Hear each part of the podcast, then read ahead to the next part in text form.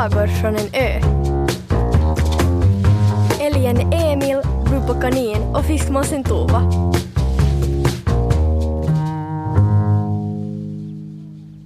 Ute på Klövholmen bodde, som du vet, Bubba Kanin, fiskmåsen Tova och älgen Emil.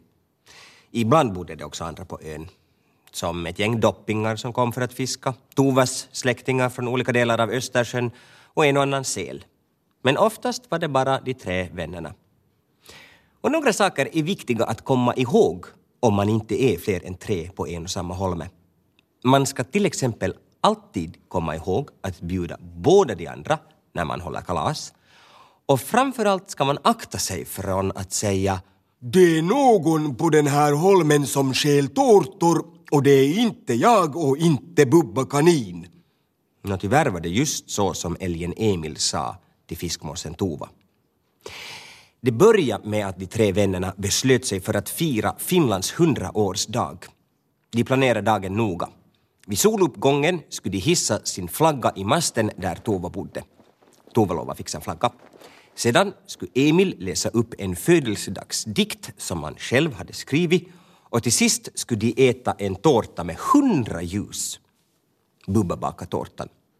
Den blev otroligt fin. Stor och krusidullig med allt möjligt gott på och hundra ljus. Det är inte lätt att räkna till hundra men Emil hjälpte Bubba och ljusen var absolut hundra. Bubba ställde en gammal sump uppe på berget bredvid Tovas mast och ställde tårtan ovanpå. Där stod den. Bubba var så stolt att hennes öron darra. Hon placerade en tom tunna över tårtan så att de andra inte skulle se den förrän festen började. Ungefär samtidigt hörde älgen Emil hur det frustade nere vid vattnet. Där stod hans urgamla moster Helga och ruskade vatten ur pälsen. Äh, Kallt vatten så här års, ropade hon. men jag tyckte det var dags att simma över och hälsa på. Emil bjöd in Helga i stugan och gav henne ett varmt fotbad och varm björksaft. Imorgon blir det fest, berättade han. Moster Helga slog ihop klövarna och ropade ah, Du kom ihåg det, hurra! Ja, det är klart man kommer ihåg viktiga fester som Finlands födelsedag. sa Emil. Han berättade hur de skulle fira självständighetsdagen. Men moster Helga blev konstigt tyst. Nå, kanske var hon trött efter simturen. Emil lät henne vila i stugan och gick ner till stranden för att hitta på sin dikt. Just när han kände att dikten var färdig kom Bubba Kanin rusande genom lingonriset under förtvivlade rop. Hjälp! Hjälp! Tårtan är försvunnen! Försvunnen? Det var en chock. Ovanpå sumpen, under tunnan, fanns ingenting.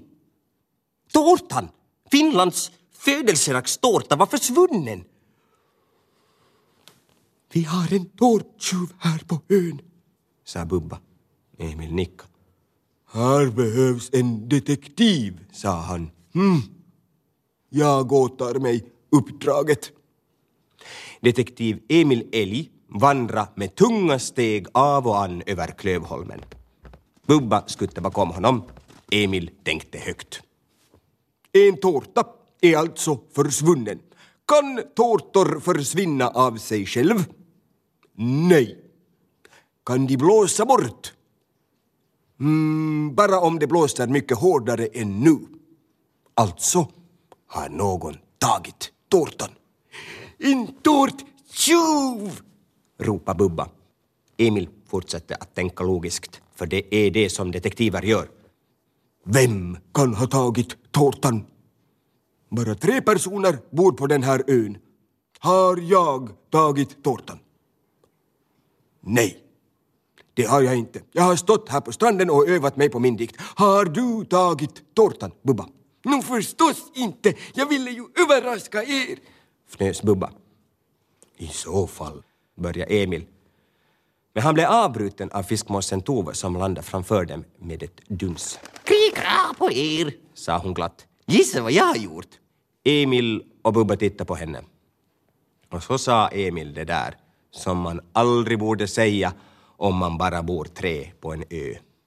Det är någon som har stulit tårtan och det är inte jag och det är inte Bubba. Tova förstod inte alltid vad man menade när man sa någonting till henne. Men det här förstod hon. Hon stirrade på sina två vänner. Så bredde hon ut vingarna och flög bort utan ett ord. Borde du inte ha satt handbojor på henne? frågade Bubba. Men Emil ville inte längre vara detektiv. Uh, jag tror hon blev ledsen, sa han. Och varför ligger det ett tårtljus där i mossan förresten? Det, det låg faktiskt ett tårtljus i mossan. Och en bit längre bort låg ett ljus till och ett till. Emil och Bubba plockade upp ljusen och snart stod de vid Emils stuga. Emil! Förgrymmade älg! Va? Va? Nej, Bubba, inte var det jag! sa Emil. Inifrån stugan hördes en gammal darrig älgröst. Den sjöng Ja, ja, jag har levat, ja, ja, jag har levat, ja, ja, jag har levat nu i hundrade år. Moster Helga, fyller du också hundra? Måste Helga titta ut genom fönstret. Ja, det gör jag. Och eftersom du hade glömt bort det så fick jag skaffa mig en tårta på egen hand. Så lyckligtvis redde allting upp sig. Emil bad om ursäkt av moster Helga. Emil och Bubba bad om förlåtelse av Tova. Helga bad om ursäkt för att hon knyckt tårtan. Och alla krama alla. Följande morgon, när solen steg upp över Finska viken, hissade Tova en flagga. Det var ett dynvar som hon hade skrivit på. Där står hundra, sa hon stolt. Det gjorde det inte. Där stod 2736.